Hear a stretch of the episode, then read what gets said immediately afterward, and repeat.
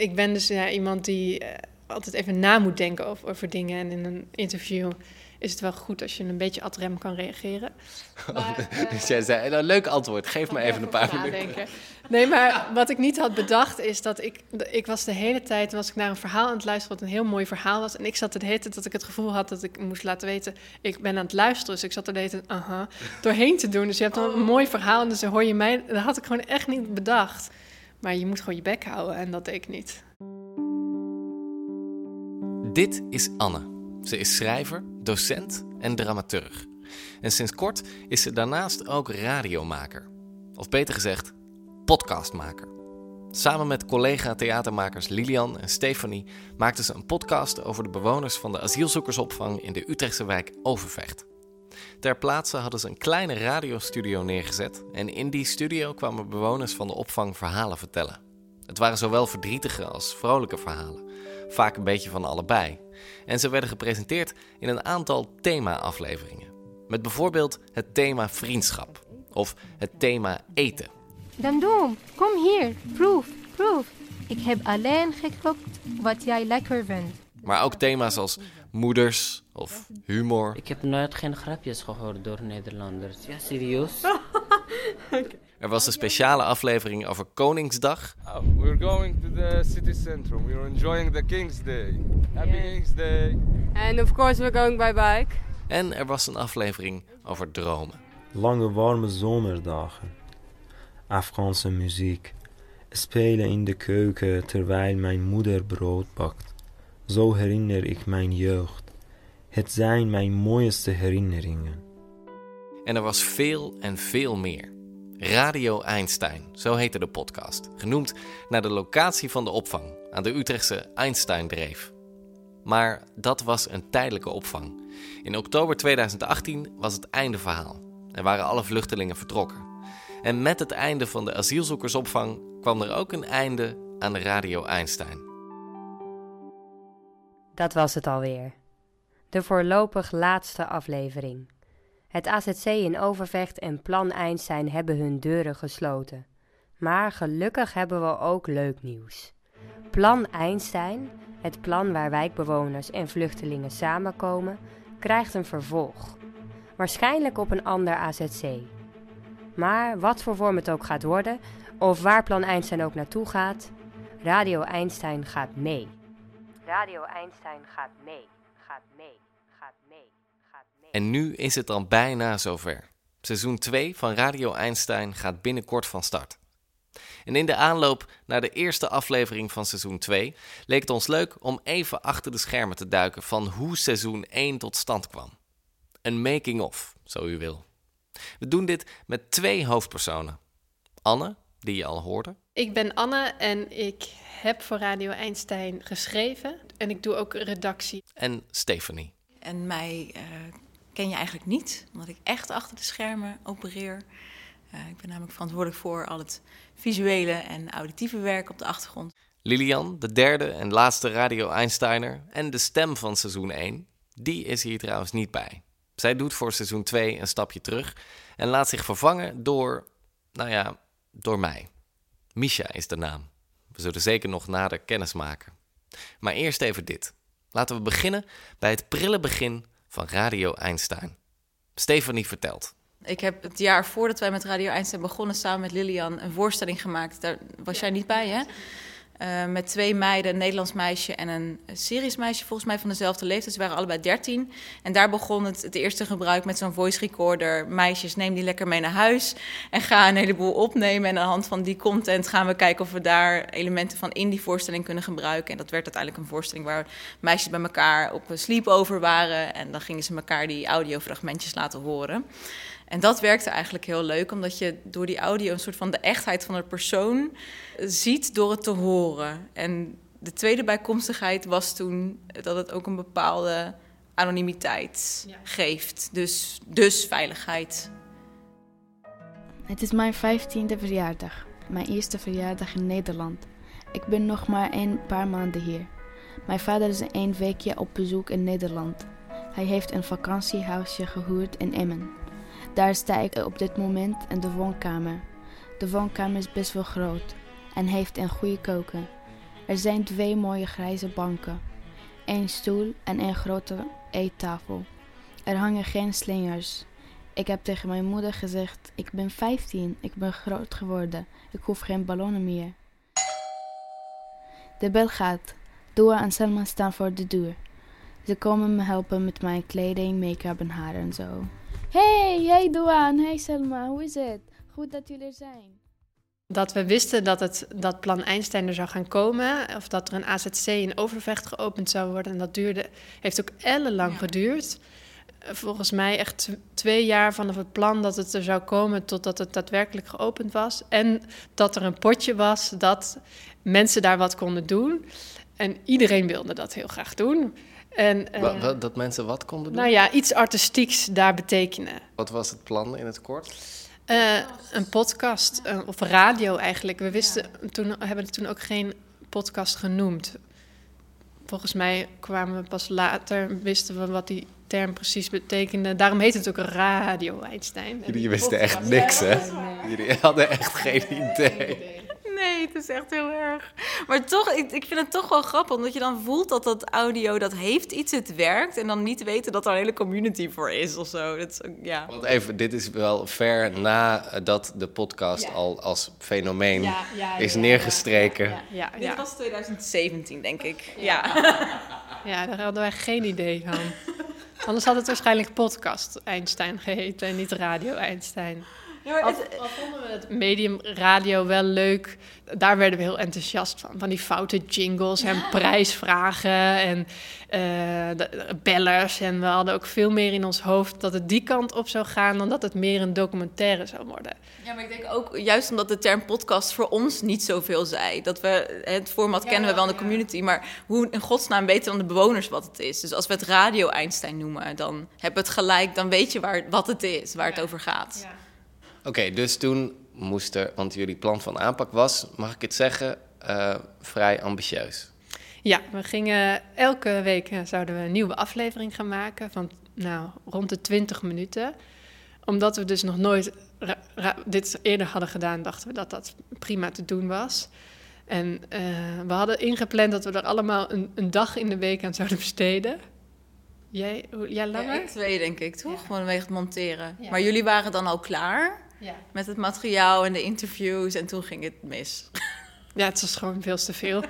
Nou, we zijn met de eerste aflevering, zijn we, omdat het natuurlijk de eerste aflevering is, zijn we gewoon een maand bezig geweest. Omdat we het gewoon echt perfectioneren wouden en uitdenken en opnemen. Maar, maar wacht, want jullie wilden een radioprogramma maken. Je had ook gewoon kunnen zeggen, we, we nemen het live een uur op met een paar leuke ehm, rubriekjes die spontaan eh, ergens ontstaan of zo. Ja, maar spontaan gaat moeilijk met, eh, met asielzoekers, omdat ze vaak de taal niet spreken, ehm, ook een beetje zenuwachtig worden soms van zo'n microfoon. Dus het is heel ehm, eh, fijn om dat niet live te hoeven doen. En bovendien is dat dan misschien toch de theatermaker in ons, dat wij het nog een artistiek laagje willen geven. Dus dat we erover na willen denken, dat we het willen monteren eigenlijk op dezelfde manier als je een theatervoorstelling zou maken. Dat je dus eerst al het materiaal gaat maken en dan het in de goede volgorde gaat zetten en er iets mee gaat zeggen daardoor. Wat je niet kunt met live, dan ben je een soort aan het toeval. Wat ook mooi kan zijn, maar dat was niet wat we wilden. Eh, dus toen hadden jullie een maand aan de eerste aflevering gewerkt. Wanneer was het moment dat jullie dachten, misschien is dit wekelijks verhaal niet helemaal realistisch? Dat duurde nog best een tijdje, want we gingen eigenlijk best goed. Op een gegeven moment hadden we rond aflevering 6, denk ik, of Ik denk dat zo. het bij de Koningsdag special al een beetje fout ging. Want dat viel op een vrijdag. En ik zag toen de bui al hangen. Oh, dat, want op vrijdag gaan wij altijd uitbrengen. Wat ook een stom idee is om mensen te beloven dat je om een bepaald tijdstip op een bepaalde dag gaat uitzenden. Wat, wat, wat zei je dan? Eh, iedere vrijdag om vier uur komt er een nieuwe aflevering van Radio Einstein. Dat stond overal gedrukt op de visitekaartjes, op de website, op de Facebook. En toen kwam dus Koningsdag en dat viel op een vrijdag. Dus toen werd ineens alles anders. En ik moest toen in het weekend gaan monteren, waarvan ik al dacht, oh, oké, was niet zo handig misschien. Jij was je weekend al kwijt. ja, sowieso. En jullie waren je weken kwijt. Ja, ja, en volgens mij zit ik nu terug te denken. Maar toen hebben we specials geïntroduceerd. Want dat vonden we een mega slimme oplossing. Want als je specials had, dan hoefde je in de specials niet aan alle regels te houden. Dus dan hoefde je geen rubrieken te hebben. Dan kon het zijn dat de special maar 10 minuten duurde in plaats van 20. Maar dat was eigenlijk gewoon een oplossing. Omdat we dan dus specials zoals... Dan hadden we special Koningsdag. Dus dan was het los. Dan hadden we geen rubrieken, maar dan gingen, het, gingen we met, weet ik veel, twintig vluchtelingen gingen we de vrijmarkt op. We deden hakje knakje en uh, Ahmed had een uh, bureaulamp gevonden op de markt waar hij trots over stond te vertellen. Nou, alles was gewoon leuk. Ja, ja. Beseften jullie dat uh, radio een ander medium is dan theater? Ja en nee. ik denk dat we dachten dat we wisten dat hebben we echt onderschat. Ja, dat sommige dingen inderdaad heel anders werken. Bijvoorbeeld dat ik een keer een interview moest doen. En dat was sowieso niet een goed idee dat ik een interview ging doen. Maar ik ging het toch doen. Oh. Nou, omdat ik daar gewoon niet zo... Ik ben daar niet zo goed in of zo. Ik ben er toch een beetje eh, stamelend en moeilijk. Ik was de hele tijd was ik naar een verhaal aan het luisteren... wat een heel mooi verhaal was. En ik zat hele tijd dat ik het gevoel had dat ik moest laten weten... ik ben aan het luisteren. Dus ik zat er de hele tijd aha, doorheen te doen. Dus je hebt dan een mooi verhaal en dus dan hoor je mij... Dat had ik gewoon echt niet bedacht dat dat ook op audio zou komen. En dat Stephanie dan niks meer mee kan, omdat ze niet al mijn ahas ertussen ja, uit kan. Dat is ook. Ik zeg, ik zeg alle regeltjes niet met je, met je arm op de tafel, niet dit. En ik doe het zelf inderdaad ook, ja. Het, is, het, is, onnatuurlijk als je met iemand zit te praten en niet terugreageert. Want je wilt het gevoel aan diegene geven, ik luister naar wat je te zeggen hebt. Maar je moet gewoon je bek houden en dat deed ik niet. Uh, jullie hebben in totaal wat 18 afleveringen gemaakt? Ja, en het idee was 30. In, in hoeveel tijd? 30 weken. Ja. ja, ook zonder vakantie. Dat hadden we ook niet bedacht. Dat we ook nog op vakantie wilden of zo. we hebben uiteindelijk een zomerstop gehouden, maar die hadden we niet ingepland. Maar dachten jullie, we gaan gewoon dan een paar afleveringen op voorhand? Ja, ja, dat dachten we. Of één iemand gaat op vakantie en dan vult de andere de rol in. We hadden geen zomerstop. Oh, maar wil ik wel even bij zeggen dat wij in onze theaterwerkzaamheden dit soort dingen gewoon wel plannen hoor. Dus ik weet niet waar het dan echt zo mis is gegaan. Ja, geen idee. Oké. Dus dat, dat, je, je had een top idee, namelijk we gaan lekker samen een radioprogramma maken, wat eigenlijk een veredeld radioprogramma is, want het is niet radio, het wordt niet in de ether uitgezonden. Nee. Je moest eigenlijk het wiel deels uitvinden. Ja. En uh, je had een debiel uh, publicatieschema. ja. ja, dat klinkt als een goede samenvatting. Samengevat, absoluut. Dat is het helemaal. Dat gaan we hopelijk dit keer anders doen. ja. Want wat is dan het verschil tussen die eerste aflevering waar jullie maanden aan hebben gewerkt en pakweg de laatste afleveringen van dat seizoen in de, de aanpak, in de manier waarop je benaderde? Nou ja, ik heb nu toevallig net de eerste aflevering weer geluisterd. En ik denk dat het grote verschil is dat we een beetje vergeten waren uh, om onszelf als maker mee te nemen in, uh, in het maken van de radio. Dus we vergaten dat de luisteraar niet alles wist wat wij als makers wisten. Dus we hebben gewoon al die fragmenten laten horen, maar juist uh, omdat wij al die mensen kenden en de plek kenden, dat maakt wat dat materiaal zo leuk is. Op een gegeven moment kwam er een soort verandering in dat we Lilian bijvoorbeeld zelf gingen laten vertellen wat ze op dat moment ging doen. Hè, normaal gesproken zou ze in de auto stappen naar Ahmed in uh, Harderwijk om uh, met hem te spreken. En op een gegeven moment kwam er ja, maar waarom laat je haar niet vertellen wat ze aan het doen is en laat je haar opnemen in die auto? Ik ga nu naar Ahmed in Harderwijk. En dat, dat, daardoor ging het ineens een beetje meer leven. Dus ik denk dat het van aflevering 1 tot aflevering 18 een beetje meer tot leven is gekomen als entiteit op zichzelf. Ja, en dat ben ik ook niet gewend in theater. Ik ben heel erg gewend dat het materiaal voor zichzelf spreekt. In een theater heb je ook niet dat de regisseur tussendoor gaat zeggen: Nou, dit is nu wat er gebeurt, dit ga je zo meteen. Dat, is, dat doe je niet. Je, je zorgt ervoor dat het materiaal voor zichzelf spreekt. Ja, maar je ontdekte dus dat het, het is gewoon een fundamenteel andere manier van je materiaal presenteren. Ja, ja. Ehm, het nieuwe seizoen het nieuwe seizoen van Radio Einstein. Ik moet nog even wennen, want voor mij is het natuurlijk toch allemaal nieuw. Dus ik ben heel blij dat jullie er zijn. Het zou kunnen dat ik jullie nog uh, heel veel vragen ga stellen. Dat ik misschien ook een keer in, in tranen aan de lijn hang. Al dan niet midden in de nacht. Oh, maar um, wat is voor de toekomstige luisteraar van seizoen 2 van Radio Einstein belangrijk om te weten? Nou, belangrijk om te weten is dat je nog steeds uh, via alle podcast-apps naar ons kunt luisteren. Dus zoek ons vooral op en abonneer je. En vanaf begin september kun je een uh, nieuwe aflevering van seizoen 2 verwachten van Radio Einstein. Verder hebben we. Wacht, wacht. Iemand zit op te wassen. snel, alvast geluiden, snel. Verder hebben we ook uh, Facebook. Uh, ik weet niet zo goed hoe je ons kunt vinden, maar ik denk gewoon facebook.nl radio. Typen. Radio Einstein in typen, dan kom je er. Fijn, dankjewel Anne. Zo. En je kunt altijd een berichtje op Facebook achterlaten. Nieuwe ideeën, dus ook altijd welkom. Of als je zelf op de radio wil komen. Oh, en dat is ook nog wel belangrijk. Als je een vraag hebt voor de mensen uh, in of rond, maar met name de mensen in het AZC, stel die dan ook aan ons. Dan kunnen wij hem doorsluizen. Want wij hebben insiders. Ja, wat Sterker nog, wij zijn ook soms zijn insiders. insiders. Ja. ja. doen. Ja, vinden we leuk.